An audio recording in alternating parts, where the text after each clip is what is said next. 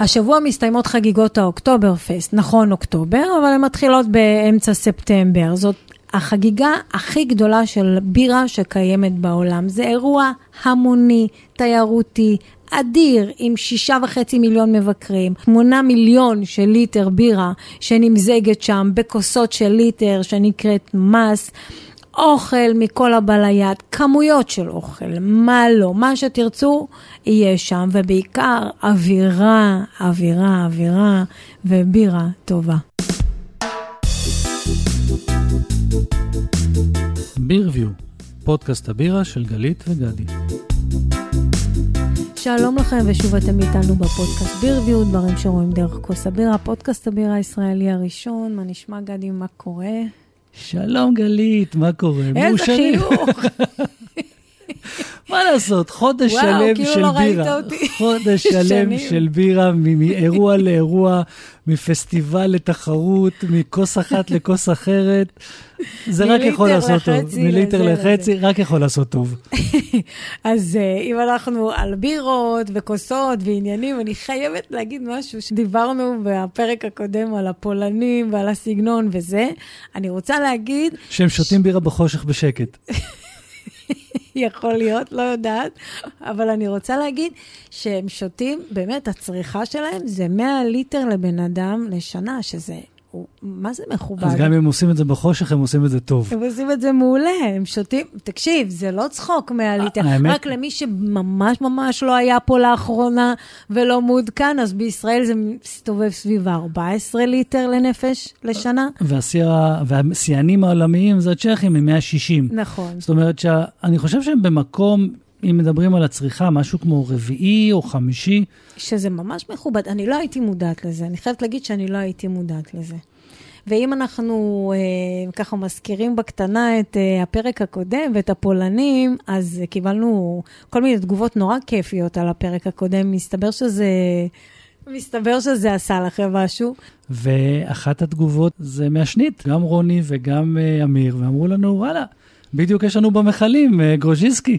הבץ' השני מסתבר, והוזמנו לטעום את הבירה, ווואלה, כל הכבוד, דומה למקורית, לקלאסי, כן. לקלאסית המקורית. ההבדל היחידי, אני חושב, היה נושא החומרי גלם, שפה הם השתמשו בלטת שהוא מעושן אחרי, דיברנו על זה בפרק כן, הקודם. דיברנו על זה, יש הבדלים. בוא, אתה לא יכול ממש ללכת על הקלאסיקה, כי, כי כמו שאתה אומר, יש אה, חומרי גלם, אה, אז חומרי גלם הזמינים הם אחרים. אז, אז טיפ- יש ניואנסים היא הייתה אחרים. טיפה יותר מעושנת מה... מהמקורית. האמת שהיא הייתה אחלה בירה, ממש נהניתי לשתות אותה. אחלה. באמת. בירה טובה, זורמת, כיפת לשתייה. אז שאפו קודם כל לשנית על העניין הזה, גם להרים את הכפפה לסגנון בירה, בואו, לא כזה פשוט, וגם uh, להוציא מוצר שהוא ממש uh, סבבה לגמרי, ותודה שהזמנתם. אז אם אנחנו בירות וטעימות ועניינים ואוקטובר פסט וזה, אז uh, כמובן שאנחנו נקדיש היום פרק למינכן. הקדשנו כבר פרק אחד uh, uh, לפני uh, מספר חודשים. ויש לי הרגשה שנקדיש עוד פרק אחד, עוד אנחנו, כמה חודשים, אה, נשאיר אה, סוף פתוח כזה, עם אופציה. עם אופציה לעונה שלישית. אה, שיהיה המשך אולי. אז זהו, אז היום אנחנו נדבר על מינכן. פעם שעברה, נעשה איזה בריף קטן, קטן, קטן, קטן. אה, פעם שעברה דיברנו באמת על מסורת, מקומות מס- מסורתיים, על הסגנונות המסורתיים. היום אנחנו ננסה אה, גם לדבר על קראפט וגם להראות ולדבר על העניין הזה, על השילוב בין הקראפט למסורת. ועל- שזה לא כזה פשוט. ועל ביר גרדנים, שזה בעצם הבילוי הקיצי נכון. של אה, אנשי מינכן, ובכלל בבוואריה. מהמם. אז אה, שנתחיל? כן, יאללה. יאללה, נתחיל. אז נתחיל מהביר גרדנים. אה, לא כל השנה אפשר לשבת שם. רגע, קודם כל, מה זה ביר גרדן? נכון שדיברנו, אבל בבקשה, אוקיי. גדי, מה זה ביר גרדן? מה זה ביר גרדן? אז קודם כל, ביר גרדן בבוואריה הוא בעיקרי קלר. קלר, למה? את הבירות היו מתסיסים במרתפים מתחת לאדמה, כדי שיהיה קריר ונעים לשמרים. ומעל הקלר היו נוטעים עצים, כדי שיהיה צל והטמפרטורות בקלר, במרתף, יישארו אה, נמוכות. נמוכות. ואז אנשים היו באים אה, לשתות בירה מעל, ה, מעל המרתפים האלה, והיו מקבלים את הבירה ישר מה. מהמכלים. מהמם. זה דרך אגב, כשמדברים, בג- כשבגרמנית אומרים אנחנו הולכים לשתות בקלר, הם לא אומרים in, in Keller, אלא אומרים auf Keller, מעל הקלר. אוקיי. אנחנו הולכים לשתות מעל הקלר, שזה בעצם ה beer garden. אז זה באמת מה שרציתי לשאול אותך, מה ההבדל בין Keller ל beer garden? כי אנחנו רואים Hofbräukeller, אבל מצד שני אנחנו רואים שזה Paulaner beer garden. אין הבדל. כאילו. אין שום הבדל, זה עניין של uh, טרמינולוגיה. אבל יש כמה, בגלל כל הנושא ההיסטורי הזה, יש כמה חוקים. חוק אחד שחייב להיות לפחות עץ ערמון אחד, זכר לאותם עצים שהיו שותלים מעל הקלרים. חוק השני, זה בגלל שהקלר היה, זה לא היה בעצם מקום, אסור היה לה- להגיש אוכל. מי שהיה לו את הקלר קיבל רישיון רק להגיש שתייה, לא להגיש אוכל. אוקיי, משרד הבריאות המקומי לא נתן לו את האישור. אוקיי. אה, אז היום גם, בכל קלר חייב שיהיה מספר שולחנות שאנשים יכולים להביא אוכל מהבית, או לרכוש אוכל מעמדות, אה, מדוכנים כאלה שנמצאים דוכנים, בקלר. זה כזה כן. כמו קיוסקים כאלה. לא הרגשה, זאת אומרת, אתה הולך, לוקח את ההרגשה העצמית, לוקח את הבירה שלך, מביא אוכל אה, מהבית, או קונה באחד החלונות, אין מלצרים, אין, אה, אין שום דבר. מהמם. וזה בעצם שני חוקים של הקלר. אחד, שיהיה עצים, דבר שני, שתהיה הגשה עצמית ואפשרות להביא בו אוכל מהבית, בירה, קונים במקום. הקלרים לא פתוחים כל השנה, הם בדרך כלל פתוחים רק באביב ובקיץ, זה אומר משהו באזור מאפריל עד אה, אוקטובר, נובמבר. כן. יש כאלה שכן פתוחים כל השנה, אבל אה, אז יש להם גם, יש החוק, כלל. יש גם כללים. יש לביר גרדנים, יש הרבה כללים, אבל זה כלל של אם פתוח או לא פתוח. מזג האוויר קובע את שעות הפתיחה שלנו. נכון. אם יבש לך ונעים לך, אז הביר גרדן פתוח. אם רטוב לך, אז הביר גרדן לא פתוח. אז אם אתם נמצאים במינכן בחודשי הסתיו אה, חורף, זאת אומרת אוקטובר, נובמבר עד מרץ, אפריל, תבדקו קודם לפני זה אם הביר גרדן פתוח או לא פתוח. אני יכול להגיד דבר אחד שקורה מחוץ לעיר, במקומות שהביר גרדן באמת נמצא בתוך היער, אז כדי שאנשים לא יגיעו מהכביש הראשי וייסעו בשבילים ויגיעו לביר גרדן, יש דגל. ואז בסוף... אה, ובסוף יהיה סגור. מפח נפש סגור. אז יש דגל שרואים אותו מהכביש. כשהדגל, כשהביר גרדן פתוח, הדגל מונף, ואז מהכביש אפשר לראות שפתוח. אם אה, הביר גרדן סגור, אין דגל, ואז רואים מהכביש, שכבר כבר מהכביש אפשר לראות שאין, אה, שאין דגל, הכל סגור. ויש משהו נורא מעניין, אם אתה זוכר, לפני כמה שנים היינו שם, והביר גרדנים היו במצוקה של בירה, כי מה שקורה עכשיו עם המזג האוויר וכל ההתחממות הגלובלית וזה, שהחורף מתאחר, ואז יש הרבה יותר ימי שמש וימים שאפשר לשבת בביר גרדנים, ואז יש להם בעיה של בירה. הרבה פעמים נגמרת להם הבירה לפני סיום העונה. זה לא שנגמרות להם החביות, אין כן. להם איפה למלא את הבירה, כן. כי כל הזמן יש צריכה ועוד ועוד ועוד צריכה של, ה, של הבירה. שזה מדהים, אנחנו ישבנו אז עם מישהו שהוא אמר, אנחנו לא יודעים מה לעשות. היינו אין לנו-" בהופבאו בממשלה ודיברנו שם. כן, והוא אמר, אנחנו לא יודעים מה לעשות, כי אין לנו בירה. יותר לביר גרדן, אני לא יודע מה קורה עם החורף הזה, הוא לא רוצה להגיע. הוא לא, הוא לא רוצה, הקיץ לא רוצה להיגמר, אנחנו לא מסוגלים, די כבר, לא יכולים, לא יכולים יותר. לא יכולים יותר, ושם בואי, ומדברים שם על כמויות. כן, לא מדובר על איזה ברז שאתה יודע, נפתח אה, פעם בחצי שעה לאיזה אה, טעימה של 200 תכף נדבר על זה, על, האווירה 200 שם. תכף נדבר על האווירה שם ומה שקורה. לכל אחת מהממשלות הגדולות, משש הממשלות הגדולות, במינכן יש ביר גרדן משלה. זה לא ייקרא ביר גרדן, זה ייקרא קלר. דיברנו בפעם הקודמת, אני חושב, על אוגוסטינר. הקלר נמצא, לידו יש את הגן, והגן אה, סגור בחורף, סגור לגמרי, אז אפשר רק לרדת למטה. לובנבוי, יש להם גם ביר גרדן אה, או קלר מאוד מאוד גדול, גם שם סגור. מהמם. והיום אנחנו נדבר על אה, הופבראו קלר. אני רוצה להתחבר למה שאתה אומר ולהז... ולהגיד עוד פעם את מה שכבר אמרנו. החוויה של החורף היא שונה מהחוויה של ה... פשוט צריך לחוות את כל עונות בדיוק, השנה. כי, כי זה נורא, נורא שונה. כי ב- בסתיו יש להם את הבוקים ואת כל החגיגות עם הבוקים ואת כל הוואו כן. שנהיה עם הבוק. ובחורף הכל ספון ו- ו- וסגור וקר בחוץ, באים להתחמם עם הבירה, ובקיץ הכל בחוץ, beer garden ים ווואו ורעש ובלאגן, ו- ו- Mhm. שונה וצריך לגמרי. צריך ל- לזכור את זה גם, שלא יקרה כמו שקרה לנו, שבאנו ל Viktualienmarkt, ומשם דרך אגב שידרנו את אחד הפרקים שבזמן האוקטובר פסט, והיה סגור. ירד גשם והיה סגור, איך התבאסנו, אתה זוכר? כן. כאילו רצנו לשם מהר, מהר, מהר, מהר, בום, סגור. כשזה. כשזה ביר גרדן שפתוח כל השנה. והיה סגור. והיה סגור כי היה גשם, כי זה החוק. הופבראו קלר, וינר פלאץ, במרכז העיר, נגיש מאוד עם תחבורה ציבורית, מקום גדול. ומה שהכי יפה היה שם, שכשבאנו למקום, פתאום מצד ימין לכניסה, הייתה איזה גינת, אה, גינה. מקומית, גינה מקומית קטנה, עם. כמה מגרשים, עם כמה משחקים לילדים וכאלה, והיה שם מיני קיוסק. כמו שברוטשילד אצלנו יש את כל הקיוסקים של הקפה, שם היה את הקיוסק של הבירה, עם הופבראו. מיני שולחנות, מיני קיוסק, מיני זה, בדיוק, מיני ש- ביר גרדן. שאפשר לשבת שם, לשתות, לשתות את הבירה בגרדן, והילדים משחקים על ה... זה. אז רק נכנס... דרך- דרך אגב, לאוף בראו קלר, הכניסה אה, היא לא מעידה על מה שהולך בפנים. יש מין שער כזה גדול, אבל כשאתה נכנס אתה, אתה לא ממש מבין מה אתה הולך לראות. כן, זה, זה קורה בהר, בהרבה ביר גרדנים, שאתה כאילו נכנס במין שער כזה, ופתאום וואו, נפתח לך איזה משהו גדול. אז שם אתם נכנסים ואתם רואים, אוקיי, שולחנות בחוץ עם אה, אנשים יושבים ומלצרים, ואוקיי, איפה פה... והכל מאוד אה, מק- כאילו מוצל, ושמשיות, ועצים, ואמרנו חייבים עצים. כן. עכשיו, ויש, כל, ויש המולה כזאת של אנשים, ויושבים, וזה, ו, ויש מאחורה, כאילו, יש את הכיסאות, את הספסלים, ויש את- מאחורה כזה מין שורה ארוכה כזאת של אה, חלונות, שבעצם משם אפשר גם אה, בירה וגם אה, אוכל. אז זהו, שאיך שנכנסים את לא רואה את זה. לא, לא רואים, זה מה שאני אומרת. רואים, רואים שולחנות ומלצרים, אז בוא, איפה אנחנו ואיפה מה שגלית וגדי דיברו בפודקאסט? ואז נכנסים עוד טיפה פנימה, ואז בקצה השני, שם נגלה ה- היופי האמיתי. שולחנות ואזור שלם של אה, הגשה עצמית. אז יש את הבודקה, את החלונות האלה של האוכל. נכנסים לאיזשהו אזור מגודר כזה, שיש שם את המכירה של הבירות ואת המכירה של האוכל, לוקחים מגש, עוברים ואוספים מה שרוצים.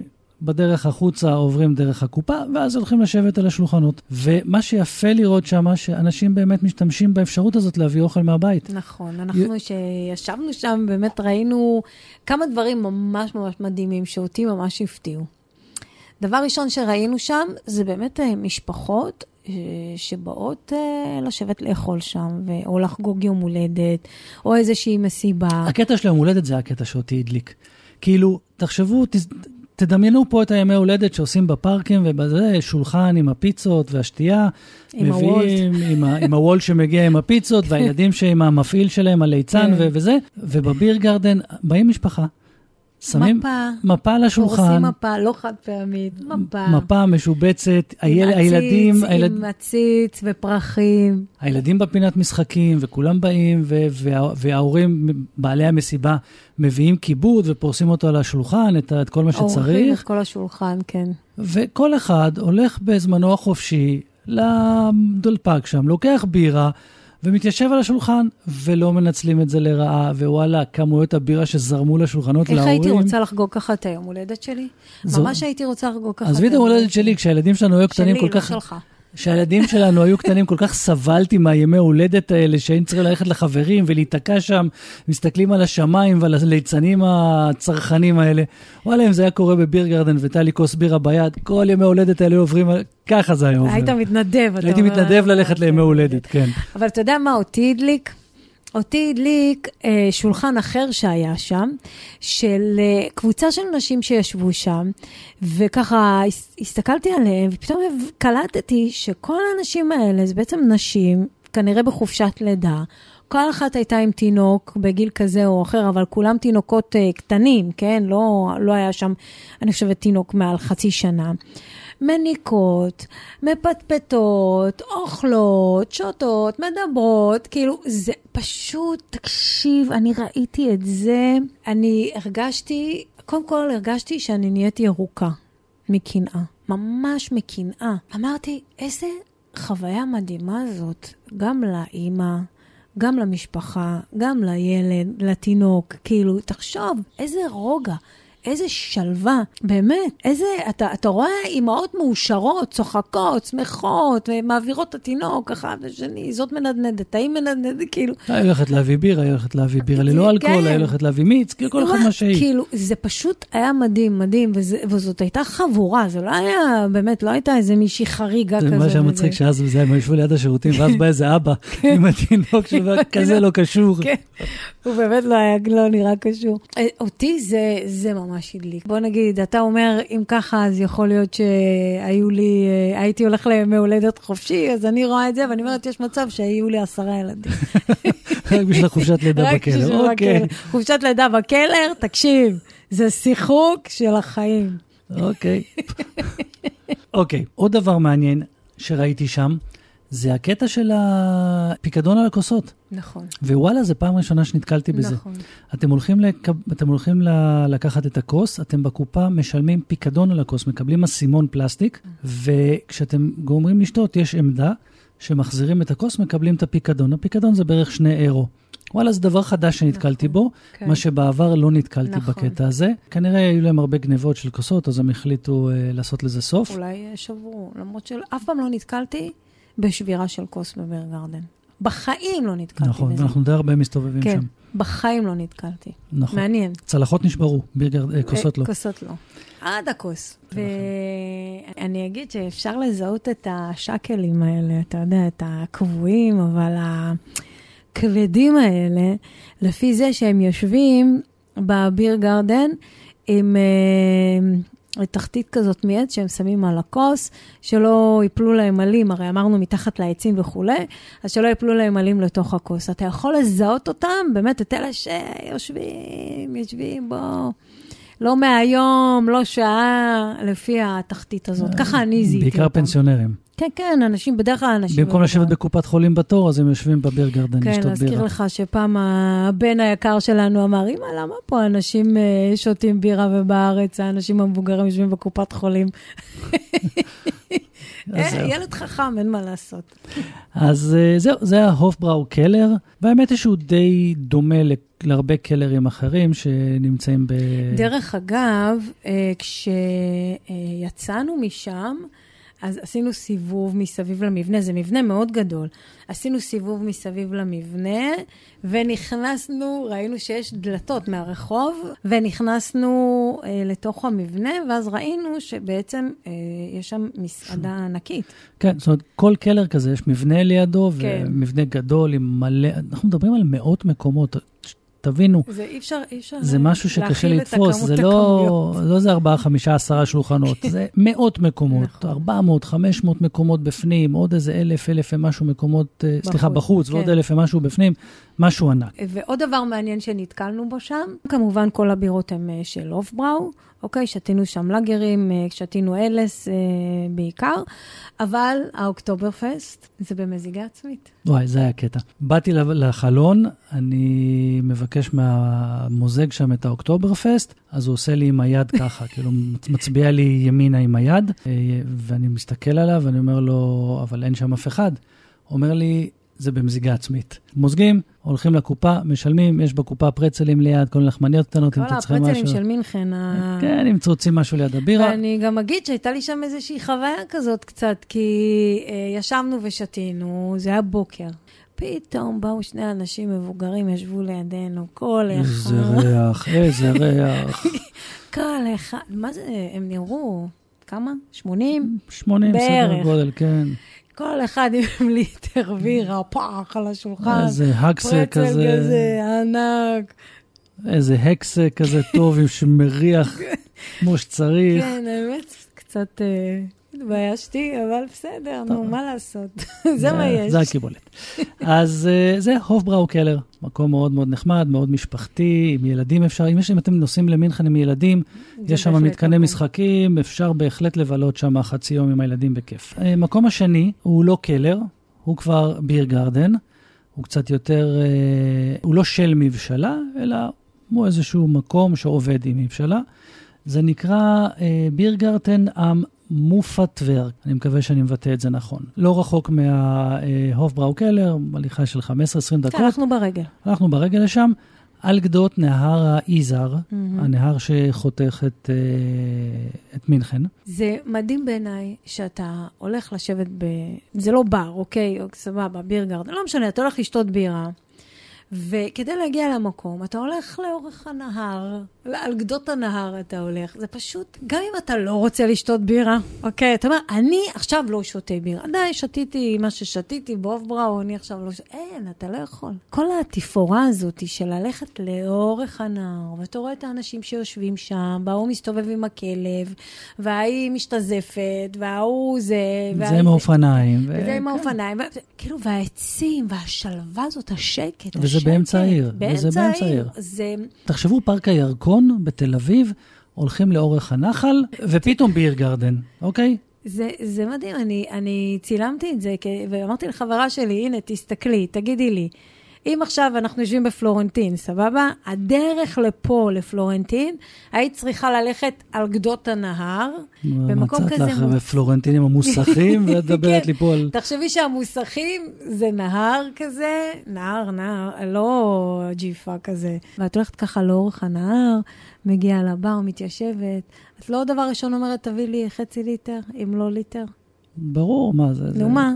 ברור. אני אגיד לך יותר מזה, גם אנשים עושים את זה. אמרו לנו שם, הקופאית אמרה לנו שהרבה אנשים באים, קונים כוס, ויוצאים והולכים לנהר, לשבת על גדות הנהר, ככה כן. להשתזף, לשתות את הבירה בכיף. הרבה משתזפים, דרך אגב, יש בעונה הזאת של הקיץ. בקיצור, המוף הדברק הזה, זה יותר פלורנטיני. הוא קצת, הוא הרבה יותר מודרני, הוא, הוא לא מסורתי כזה. יש כיסאות נוח של ים. יש כיסאות נוח של ים כזה, כן. זה מקום קטן יחסית, כמה מאות של מקומות, מאוד בודדות. ניגשים, אפשר לקחת את הבירה, לקחת, אוכל קטן כזה, להזמין אוכל בקופה ואז אחר כך לקבל אותו כזה. מבחינת בירות, אז הם אה, עובדים שם עם Hofbräu. בוא נגיד אולי קודם שהמקום הוא אורגני. המקום הוא אורגני, certified אורגני, כן. אה, לא צמחוני, לא טבעוני, אורגני. אורגני, אורגני. יש לו מנות צמחוניות גם. הם- יש לו חומוס, יש לו יש חומוס, לו- אמרנו, זה, לא- הוא ממש לא אה, מסורתי נכון. כזה, אבל כן יש לו אווירה כיפית, וכן יש לו...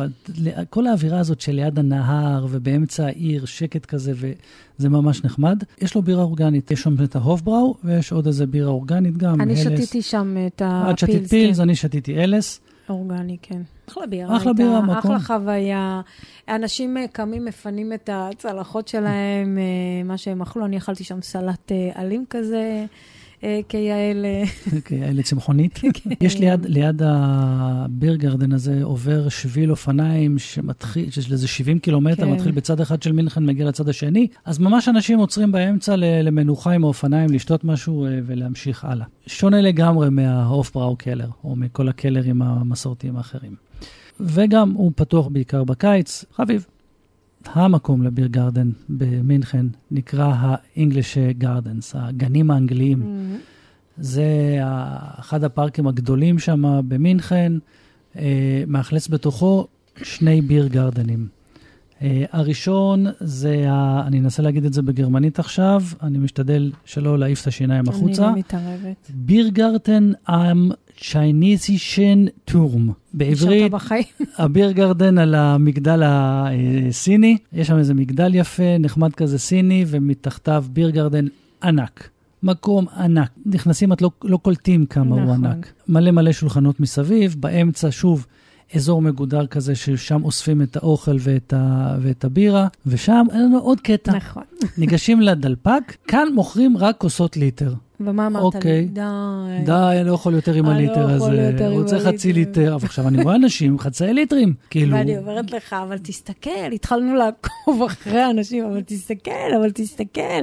זה חצי ליטר, ההוא חצי ליטר. אין מצב שלא מוכרים פה חצי ליטר. ואז אבל הבנו. כל השלטים זה ליטר. ואז הבנו, מאחורה כזה, ליד הדלפק של הליטר, קצת מאחוריו, היה דלפק של חצי ליטר. למה להפריד? ומי נמצא בדלפק של החצי ליטר, אם לא ההוא שמוזג את הליטר? אני משתגעת מהקטע הזה, זה כל פעם קורה לנו שם מחדש. אומרים לך, לא, פה זה ככה, ואז אתה הולך לצד השני וזה אותו בן אדם.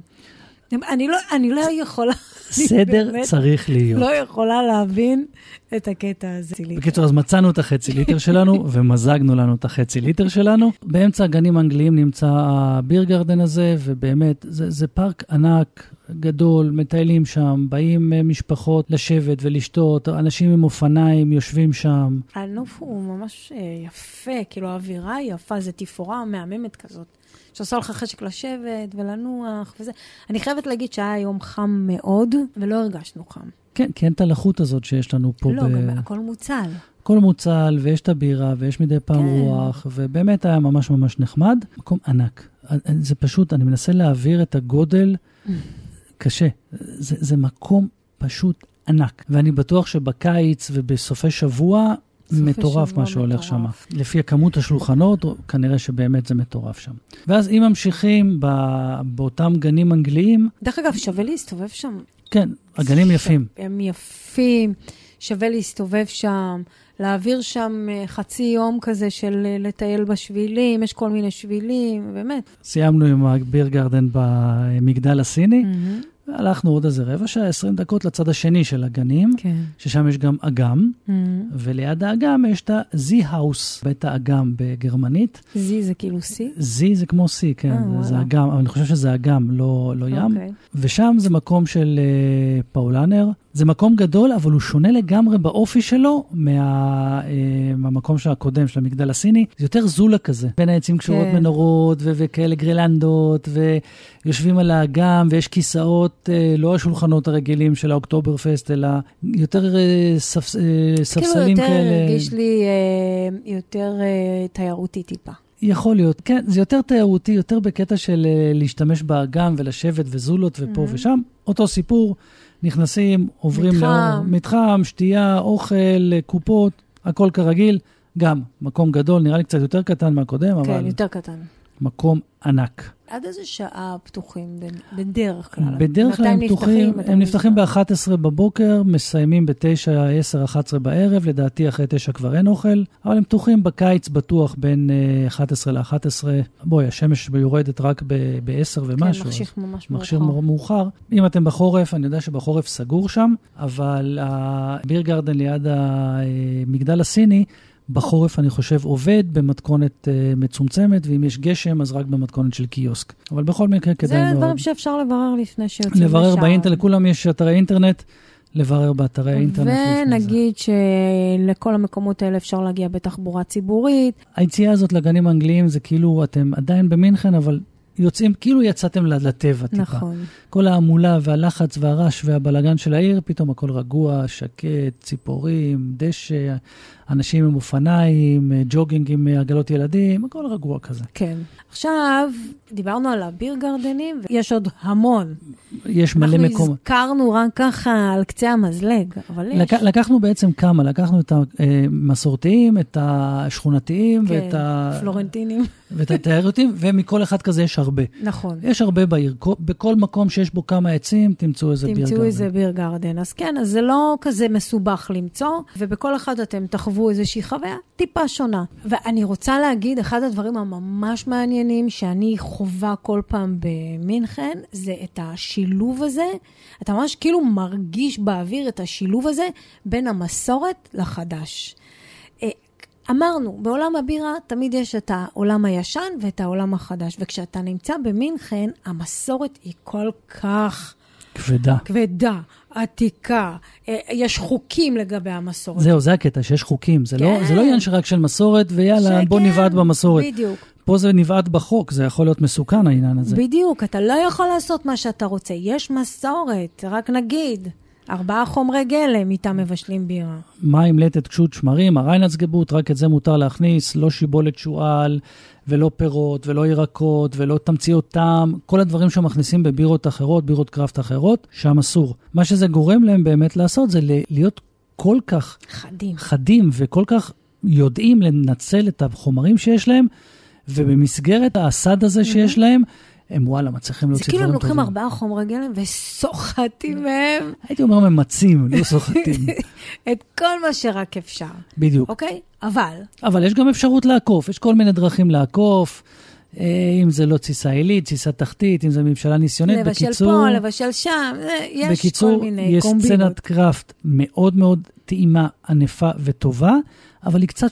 קצת שונה ממה שתמצאו בהונגריה, רומניה, פולין. היא קצת שונה מבחינת החומרים. בואי רגע, לפני שאנחנו עוברים לכל הצד הקראפטי במינכן, העולם היותר חדש. העולם היותר חדש, נצא לטייסטינג רום יאללה. ונטעם מזה יאללה. משהו.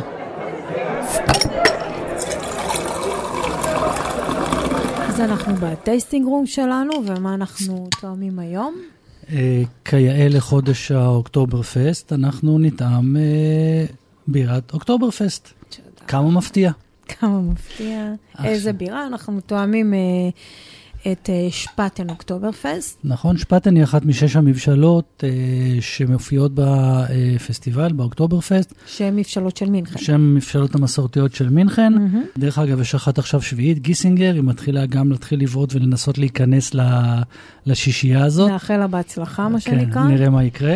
אז רק בואו נעשה מהר מהר, שש המבשלות, יש לנו את הופבראו, יש לנו את פאולנר, לבנברוי, אוגוסטינר, האקר שור, שפטן, והגענו לשש. הגענו לשש. בואו נגיד שאוקטוברפסט זה סגנון. מהמם. עכשיו, אה, אם אמרנו שכל, אה, ש, שיש שש מבשלות של מינכן, אז מבשלות אחרות לא יכולות לקרוא לבירה שלהם אוקטובר פסט. הם יכולים להגיד פסט ביר, הם יכולים להגיד אה, לא יודעת מה, אבל לא אוקטובר פסט, נכון? לגמרי. ונתקלנו בזה. ונתקלנו נכון. בזה, ואפילו גרמנו להתקף לב להתקף לב, לגרמני, שהראינו לו... שתיים.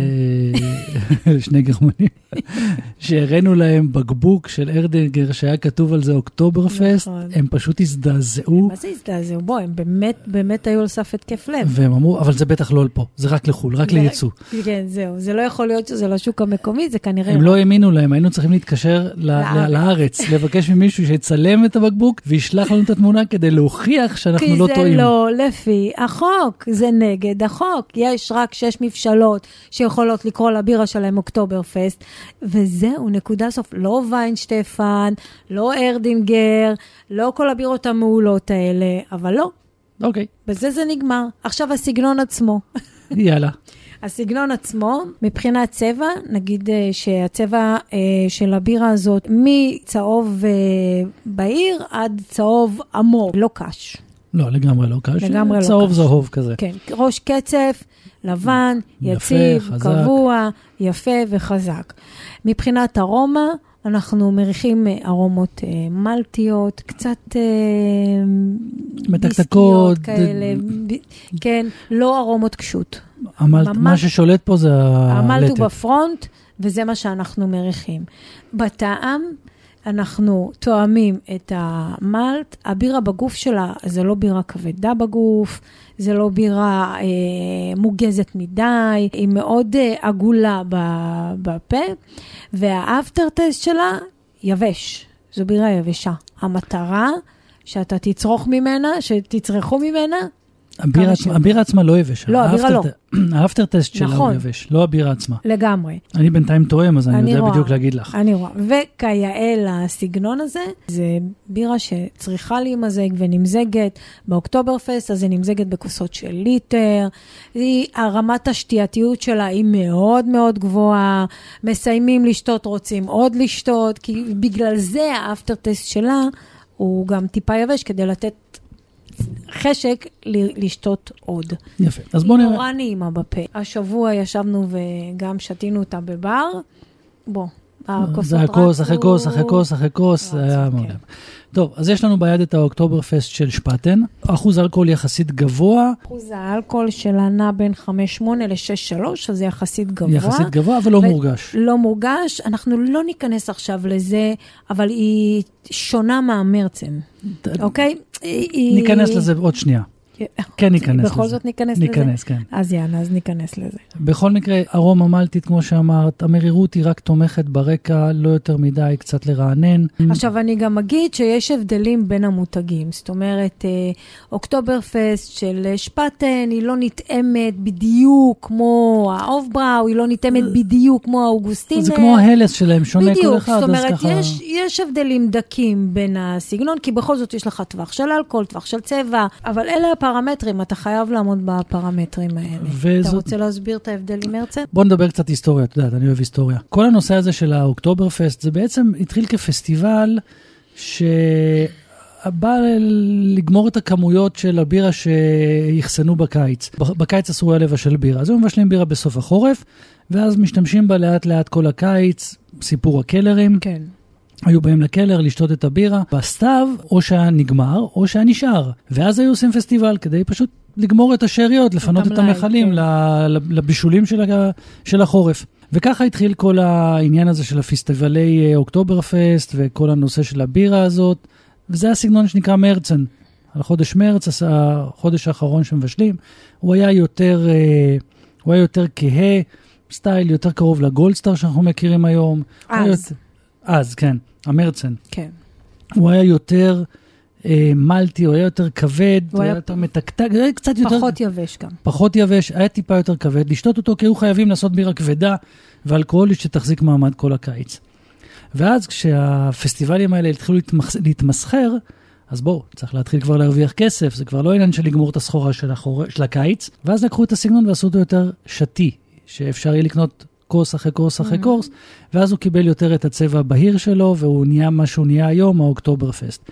אז המרצן זה היה המקור, האוקטובר פסט, מה שאנחנו מכירים היום, זה פיתוח של המרצן כדי למכור יותר. ואף מילה על החתונה של המלך ואף מילה על החתונה, והנסיכה. כן, זה היה רק, אף מילה על החתונה.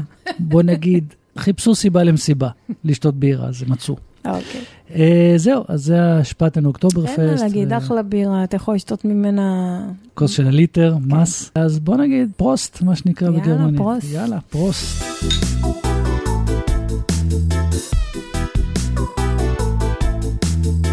טוב, אז חזרנו מהטסטינג רום שלנו, ואנחנו עכשיו אה, פוזלים לכיוון הקראפט. קראפט.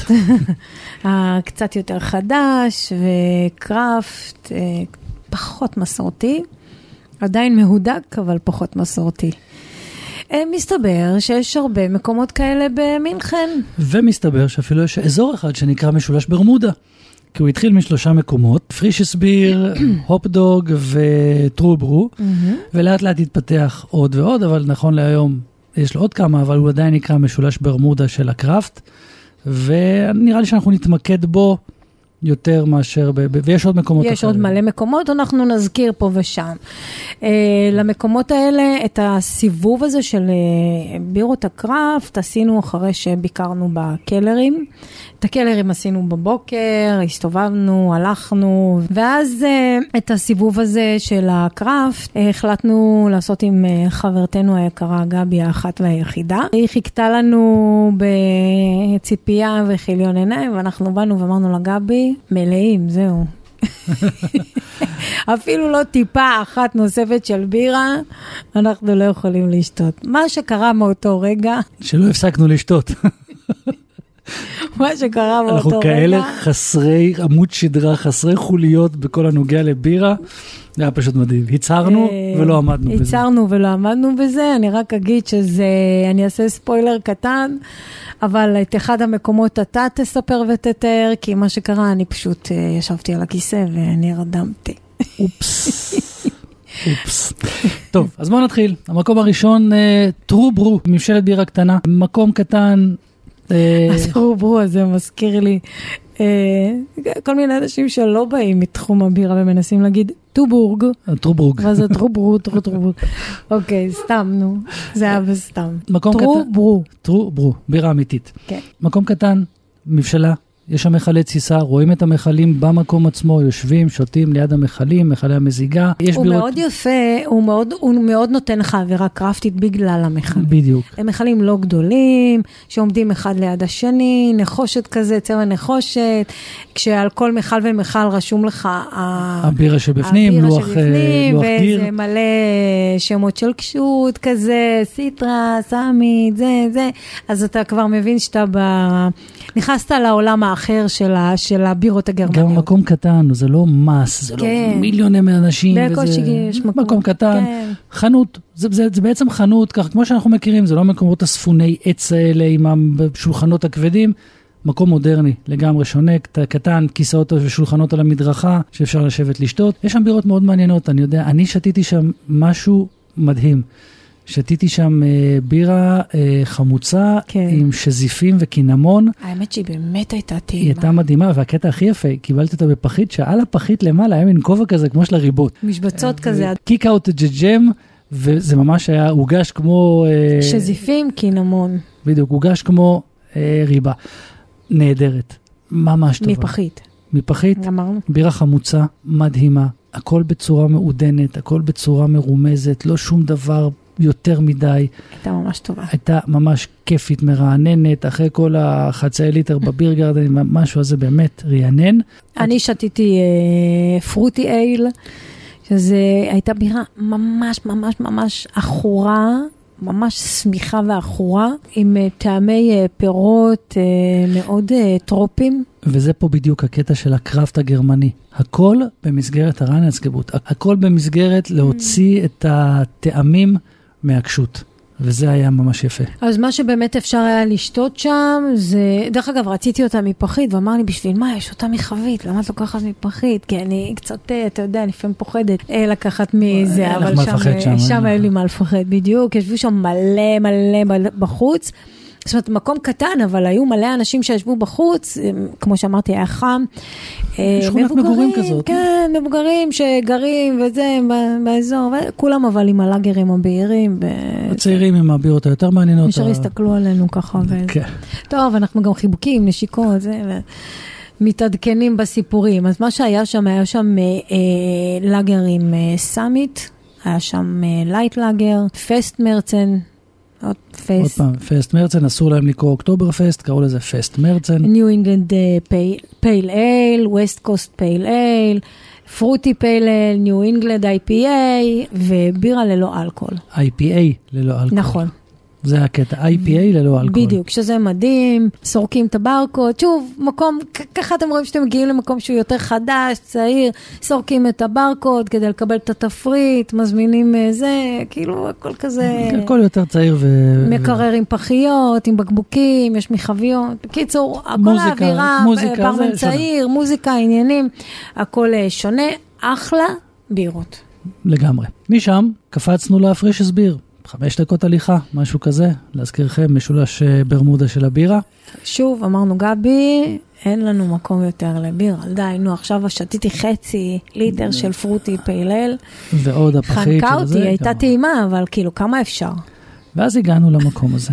ואז, איך אומרים הגששים? גרר אותי, נגררתי. זה מדהים. נכנסים מקום למקום, מקום קטן, בר עם אולי, אני יודע, שמונה מקומות ישיבה עליו, עוד איזה כמה מקומות בחוץ, עוד כמה בפנים. תפריט של 12 סוגים של בירה מהחבית, ועוד מקרר מלא בכל מיני פחיות ובקבוקים, וברמן.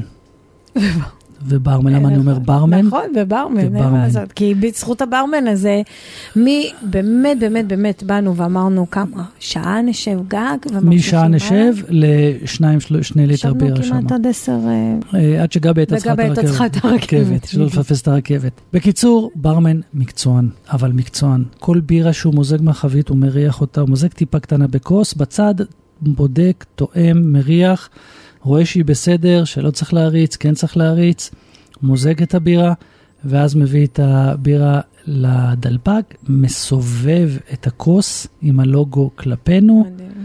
ומדהים.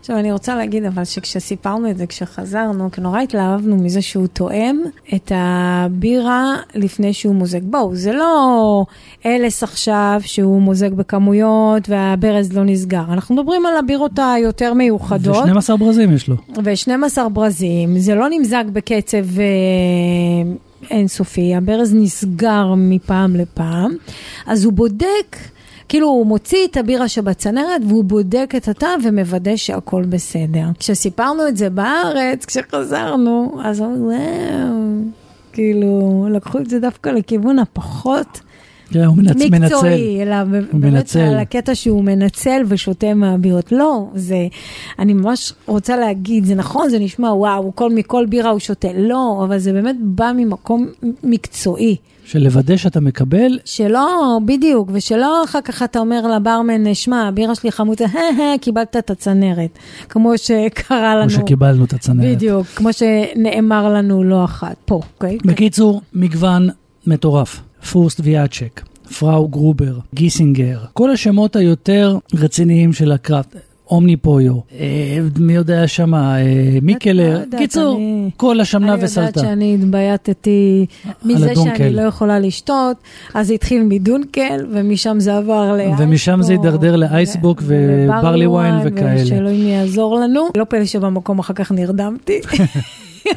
ויש משהו מעניין אבל שאני רוצה להגיד ששמתי לב. כמה דברים. אחד, הגענו למקום הקרפטי הזה, ישבנו עם גבי, היא הזמינה רק הלס. נכון. היא לא הזמינה, והיא ישבה ושתתה איתנו לאורך כל הערב, הרבה יותר מאיתנו, בואי, שהיא לא שתתה אה, שלישים וזה, היא שתתה רק הלס. כי תקשיב, היא לא, הדבר היחיד שהיא הסכימה לעשות זה לטעום מהבירה שאתה לקחת או שאני לקחתי.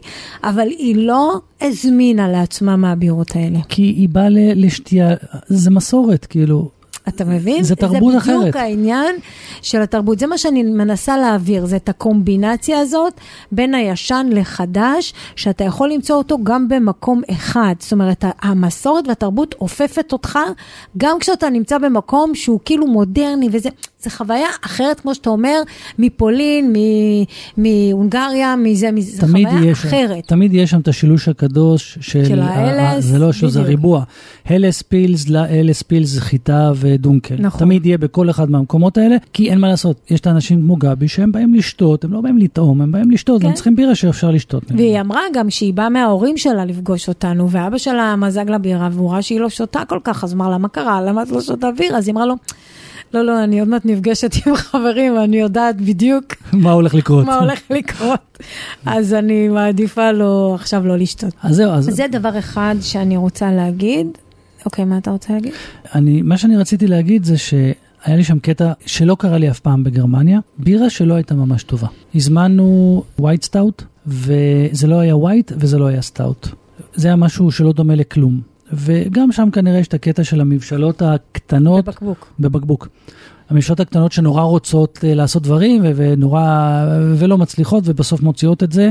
לא נתקלתי בזה אף פעם בגרמניה, אבל שם נתקלתי בזה. מה שיפה היה, כשדיברתי עם הברמן, הוא ראה שאני גם לא כל כך שותה. כן, זהו, הוא ראה שאנחנו, הבקבוק מלא, אני הזמנתי אותו ולא ממש שתיתי. וכנראה הוא ראה את הפרצוף, זה מאוד, וגבי גם הזדעזעה. כן, גבי הזדעזע והתחלנו לדבר, ואיך דבר כזה קורה. כן. ואז הוא אמר, תשמעו, אני... ישר האמת- עברו לגרמנית.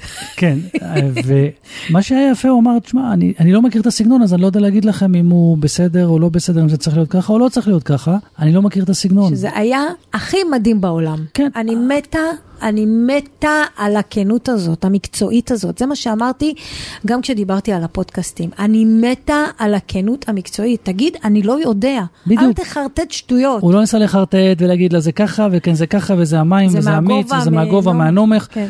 הוא פשוט בא ואמר, תשמעו, אני לא, לא מתווכח, אני נתת לא לו יודע. לטעום. ונתתי לו לטעום, הוא אמר, אני לא מתווכח, אני לא יודע להגיד לך אם זה, אני לא, לא מכיר, לא שתיתי אף פעם, לא יודע אם להגיד לך אם זה טוב או לא טוב. ואז הסברת לו, אמרת לו, אתה מעוניין לשמוע? והוא אמר לך, כן. ואז הסברת לו את כל הפרמטרים של הסגנון. כאילו, כאילו של מה אתה אמור, לא יודעת אם להגיד סגנון, אבל מה שאתה אמור בעצם לטעום כשאתה מזמין ווייט סטארט. אה, אז באמת, שתיתי שם חמוצות, כמו שאני חושב לא. לא שתיתי אף פעם בגרמניה, כי באמת, הייתי כל כך רווי מהבירו, והחמוצות היו כל כך קלילות וכיפיות.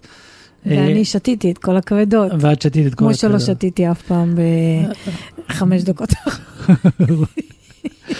אז זהו, אז זה ה... אבל רגע, בוא תדבר אבל על הבירה שהוא מזג לך מהחבית, והקציף וזה, דבר על זה. אז זהו, הוא, הוא מזג לי על איזה... ס- הברמן המהמם הזה. הוא הוא מזג לי איזה סמודי עם אה, 800 אחוזי פרי ו- וכזה כמו גרבר, והוא לא הצליח כל כך למזוג אותה, הקציפה לו, היא... פעם ראשונה שאני רואה שהם מוזגים מחבית, כזה דבר. כן, לא, גם אני, אבל הקציפה לו ועשתה לו בעיות והוא נורא נלחם איתה, והוא הביא לי כוס כזה, שני שליש אה, בירה, שליש קצף, והוא אמר לי, תשתה, אני אמלא לך את זה, אני אחזיר לך את זה אחר כך. עכשיו, הסתכלתי, אמרתי, עזוב, לא, זה בסדר צריך, גמור, לא הכל צריך. טוב. הכל טוב, מה היה חסר שם? שפיץ קטן? שתיתי, גמרתי לשתות, נהנית, נהניתי, הייתה. הייתה טובה, אחלה סמודי שבעולם. שמתי אותה, למרות שאני אומר שסמודי זה לא בירה, זה קוקטייל, Mhm. אבל היה כיף.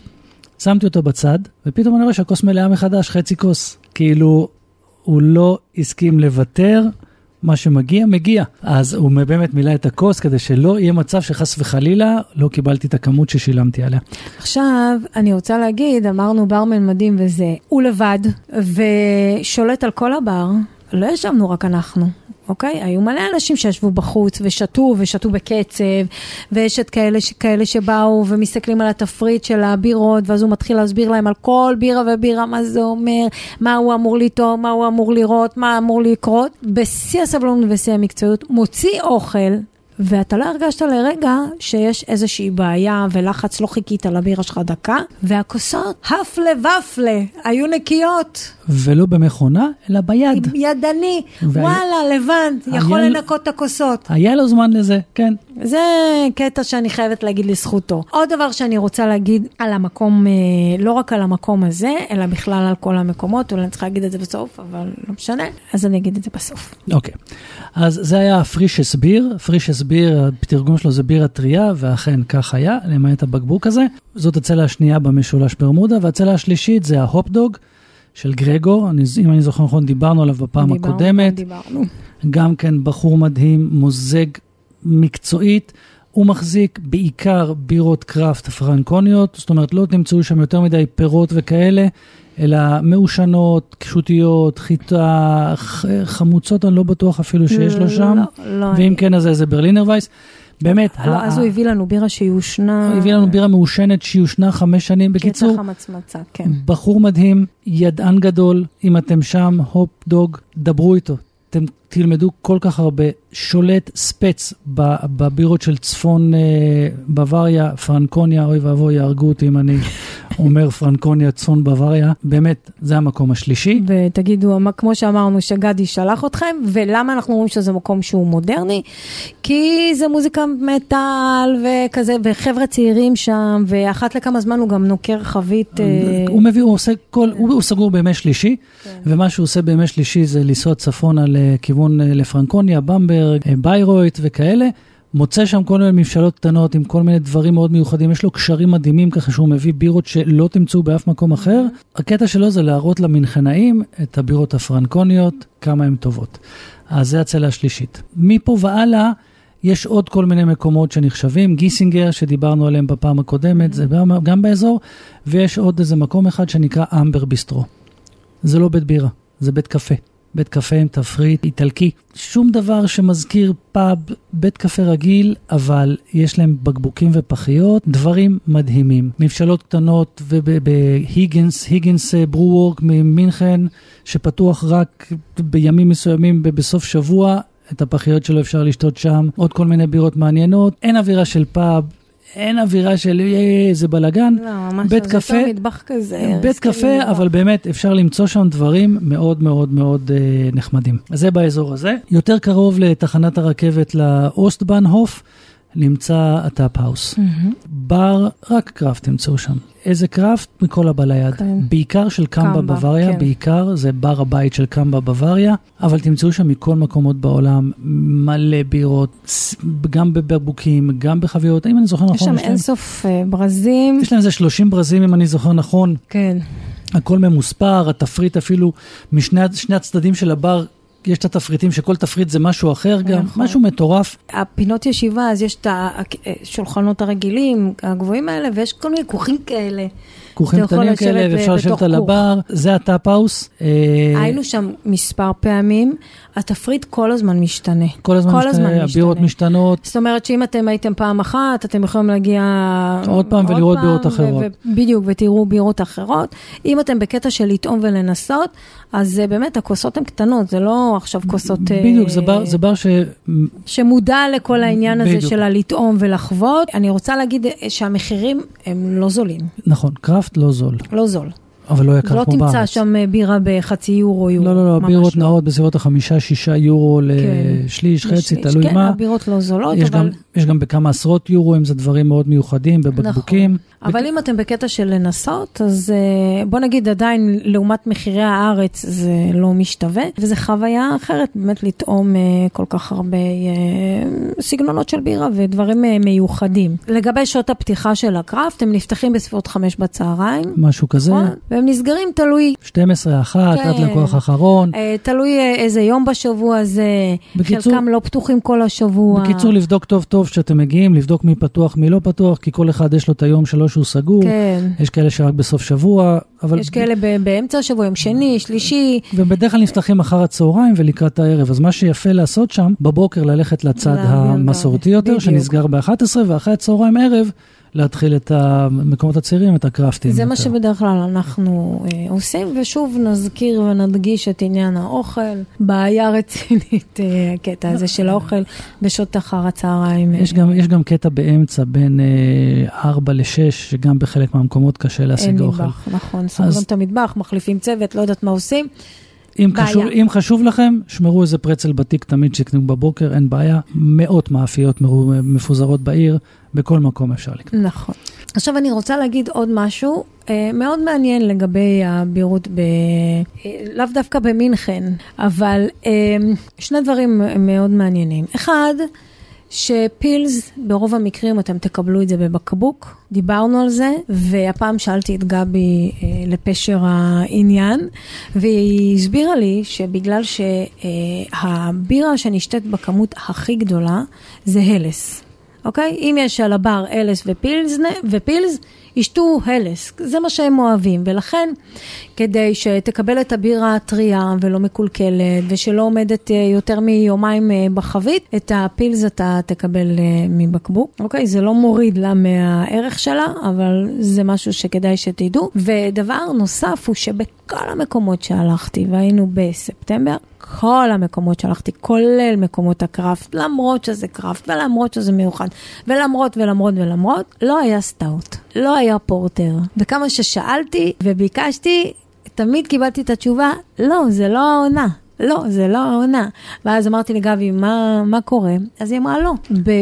בעונת הקיץ, לא מאמינה שתמצאי מקום שימזוג לך porter או stout. למה? כי אלה בירות שפחות שותים אותם באופן כללי, ובטח ובטח אה, בעונת הקיץ. ולכן, אם את רוצה לשתות סטאוט, צריכה לחכות אה, לחורף. חכי לחורף, מה שנקרא.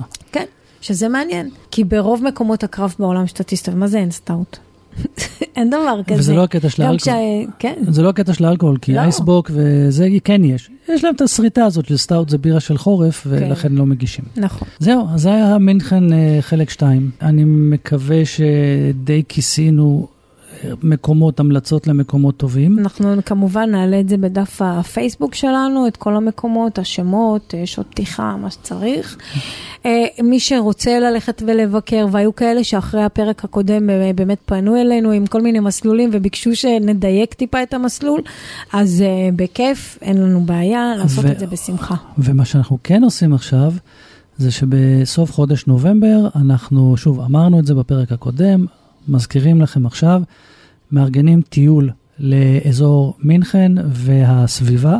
טיול של אה, אה, חמישה ימים, ארבעה לילות, סוף שבוע כזה ארוך, עם כל המקומות שדיברנו עליהם, עם עוד מקומות. אה, מי שידריך את הטיול זה גבי, שדיברנו עליה, סומליה בירה, מקומית, מכירה את כל המקומות. לא רק סומליה בירה, בוא. היא גם סומלי ספיריט. ספיריטס, היא תהיה יחד איתנו, היא תהיה זאת שתיתן את הפן הגרמני, את כל הנושא של המסורת, את כל הדברים, את כל, ה, כל מה שהדברים, הניואנסים הקטנים שאנחנו לא מכירים, ואם, והיא כן מכירה, נבקר במזקקות, נבקר במבשלות. נבקר ננצל את בעוד- הקשרים שלה, בקיצור. בקיצור, ננצל את הקשרים שלה שמכירה שמה את כולם. את כולם. הבסיס מינכן, נצא החוצה לכל מיני מקומות מדהימים, גם נופים, גם בירות.